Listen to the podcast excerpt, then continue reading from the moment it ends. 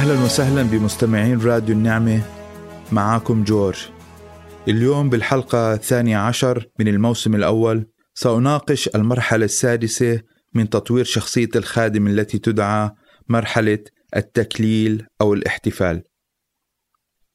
حابب بالبداية أعطيكم ملخص لمحتويات هذه الحلقة. رح نقوم آه، بشرح تفصيلي عن المرحلة السادسة لتطوير الشخصية في البداية ثم أقدم نموذج أو مشاركة شخصية عن نوع الإرث أو الميراث التي أرغب بتركه للأجيال القادمة. اللي هو يعبر عن شرح تفصيلي كمثال أرجو أن يساعدك على بداية التفكير بنفسك وكيف تطبق أو لوضع خطة للوصول إلى هاي المرحلة المرحلة السادسة اللي هي التكليل أو الاحتفال. خلونا في البداية نتحدث عن مرحلة التكليل أو الاحتفال. هذه المرحلة هي المرحلة الأخيرة من مراحل تطوير شخصية القائد أو الخادم. هاي المرحلة بتهتم بنوع الميراث أو ما تريد تركه وراءك للأجيال القادمة. تجاوب على سؤال ما نوع الحياة التي تريدها؟ ما نوع النهاية التي تريدها لحياتك على الأرض؟ ما هي السمعة أو الإرث الذي تريد أن تتركه أو تورثه للأجيال القادمة؟ ماذا تريد أن يقوله عنك المقربين عندما تغادر هذه الحياة؟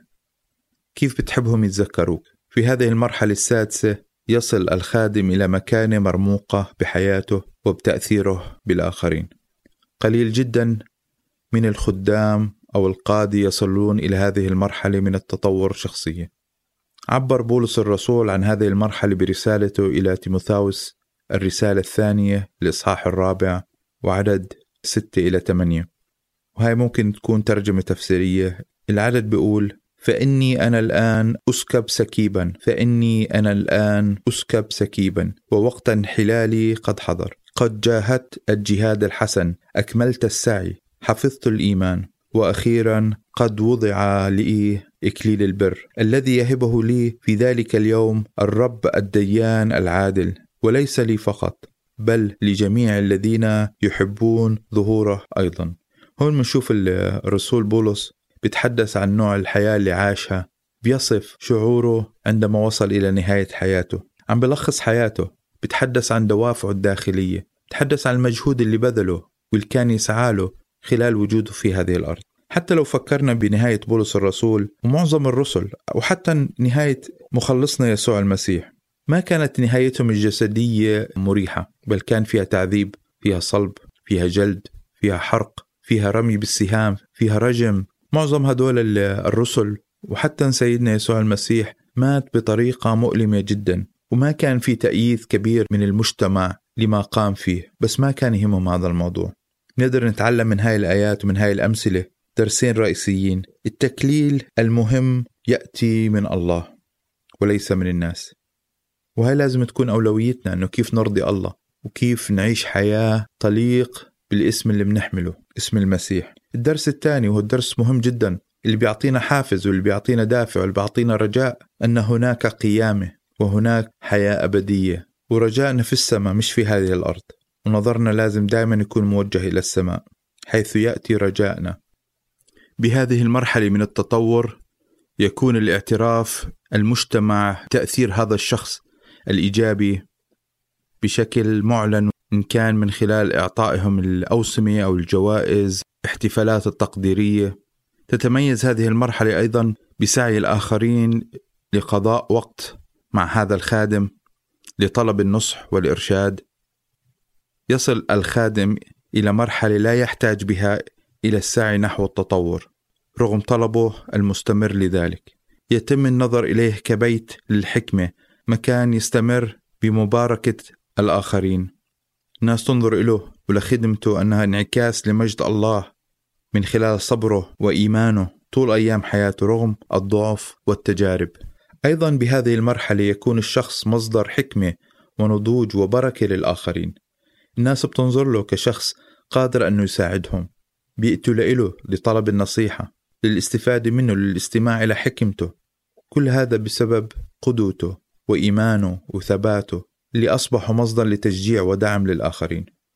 حتى في مثل بيقول الترجمة الغير حرفية له أن تبدأ واضعا النهاية ببالك أن تبدأ عالما بما نوع النهاية التي تسعى إليها. باللغة الإنجليزية بيقول start with the end in mind. طبعا هاي الترجمات ليست حرفية مش القصد أنه تكون حرفية قصد أنه نشوف روح الحكمة. كيف بإمكان نستفيد منها عمليا؟ يا ريت تبدأ تسأل نفسك ماذا تريد أن تحققه في حياتك؟ اللي هو فعليا السؤال الثاني من الأسئلة المهمة اللي ناقشناها في هذا الموسم. زي ما أنتم عارفين ومتذكرين السؤال الأول من أين أتيت؟ السؤال الثاني إلى أين تريد أن تذهب؟ وهذا السؤال الثاني يجب أن نجيب عليه للحصول على توجه نحو الحياة الأفضل وتكون نهايتنا في هذه الحياة لها معنى. وكان لها تأثير بالآخرين. عندما أحاول الإجابة على هذا السؤال المهم ما نوع الحياة اللي أرغب أنه أحياها ماذا أريد أن أحقق في حياتي. ما يساعدني على الإجابة على هذا السؤال هو تفكير من خلال خمس محاور رئيسية. المحور الأول ما نوع العلاقة مع الله اللي برغب أنه تكون موجودة.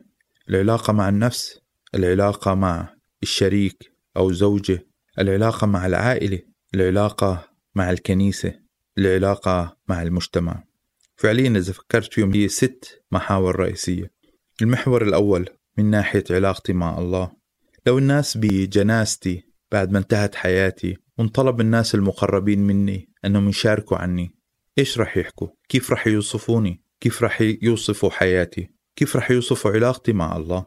بتمنى أنه يقدروا يتذكروني بهاي الجمل مش بس أنا رجائي وصلاتي وطلبتي من أجل المستمعين أنه في يوم من الأيام الناس تتذكرك بهيك جمل.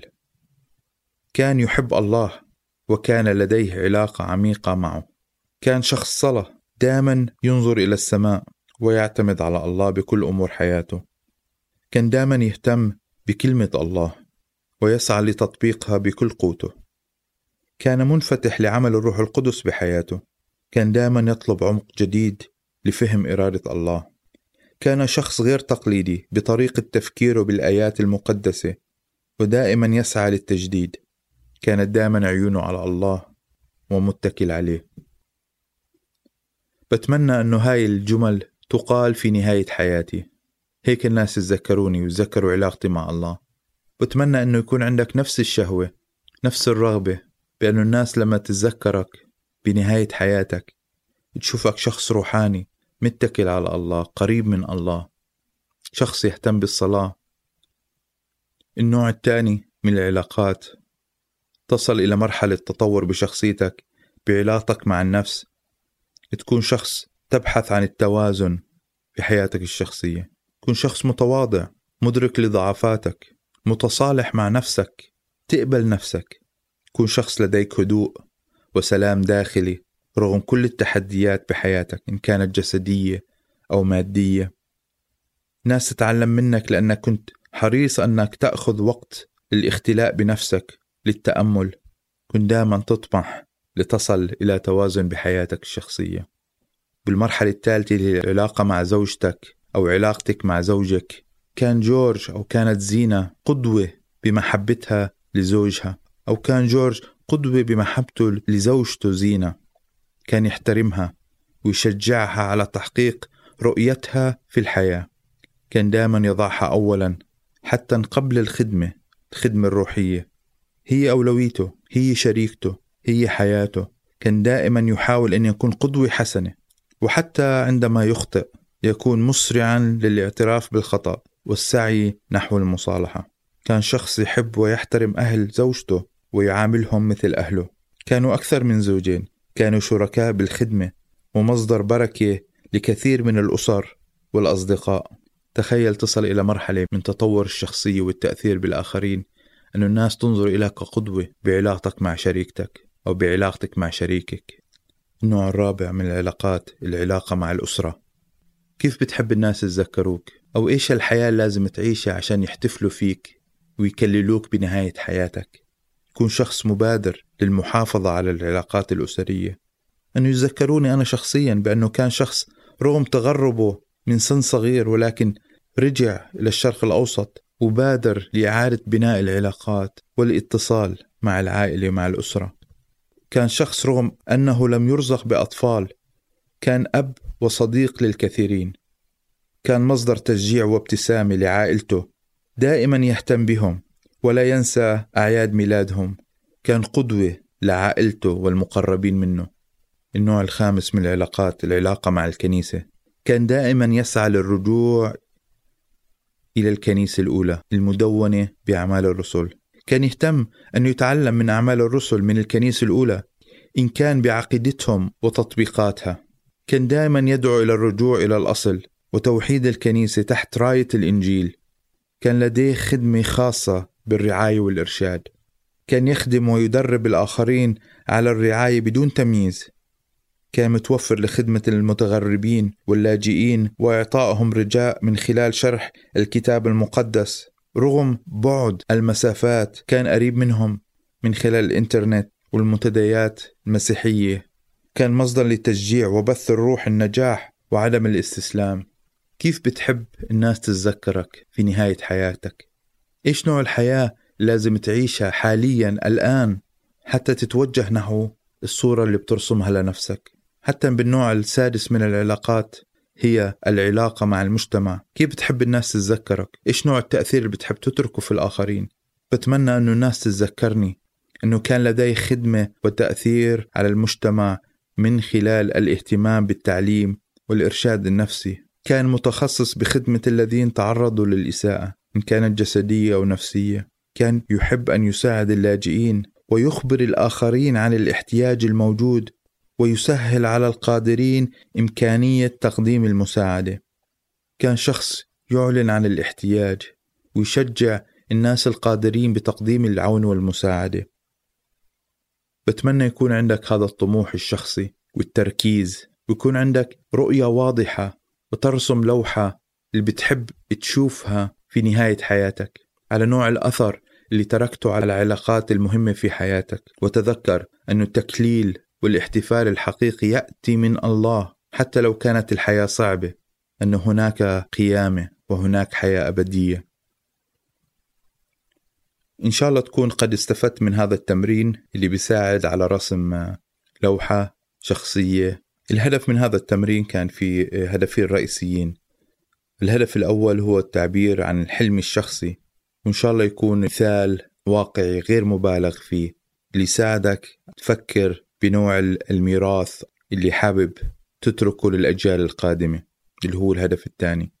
إذا تمكنت من رسم لوحة تعبر عن أين تريد أن ترى نفسك في نهاية العمر سيكون من الأسهل التعرف على ما ينبغي القيام به لتحقيق هذه الرؤية. حتى فعلا تصل إلى مرحلة تطوير بشخصيتك كخادم تكون مصدر تشجيع ودعم للآخرين إلى درجة أنه يحتفلوا فيك ويكللوك في حياتك. أنه فعلا يجب أن تعيش حياة فيها تركيز وتوجه واضح حتى تصل إلى هذه المرحلة.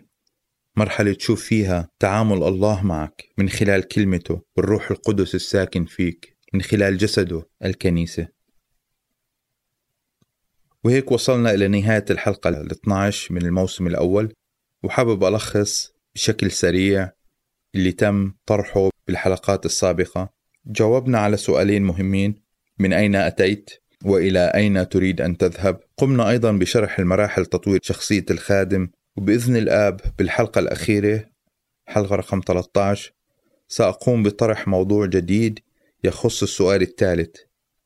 من يستطيع أن يساعدني للوصول إلى الهدف؟ بيشرح أهمية وجود مدرب موجه متلمس في حياتك الشخصية. وهذا الموضوع سيكون هو عنوان الموسم الثاني من برنامج معكم جورج بإذن الآب. إلى أن نلتقي بالحلقة الأخيرة من هذا الموسم الآب يبارككم. لنا لقاء. للحصول على ملخص هذه الحلقة والأدوات المساعدة الرجاء آه، زيارة آه، المكتبة الإلكترونية الخاصة بموقع معاكم على الرابط التالي ma33a.com أو ma رقم ثلاثة رقم ثلاثة a نقطة com. لا تنسوا المساهمة بدعم البرنامج وكل فقرات راديو النعمة على برامج التواصل الاجتماعي من خلال ال share وال like. نحن نرحب بكل تعليقاتكم وأسئلتكم على هاي الحلقة وكل حلقات البرنامج. أفضل مكان للتواصل معنا هو صفحتي الخاصة على الفيسبوك. الرجاء البحث باللغة العربية عن برنامج معاكم. إلى اللقاء في الحلقة القادمة.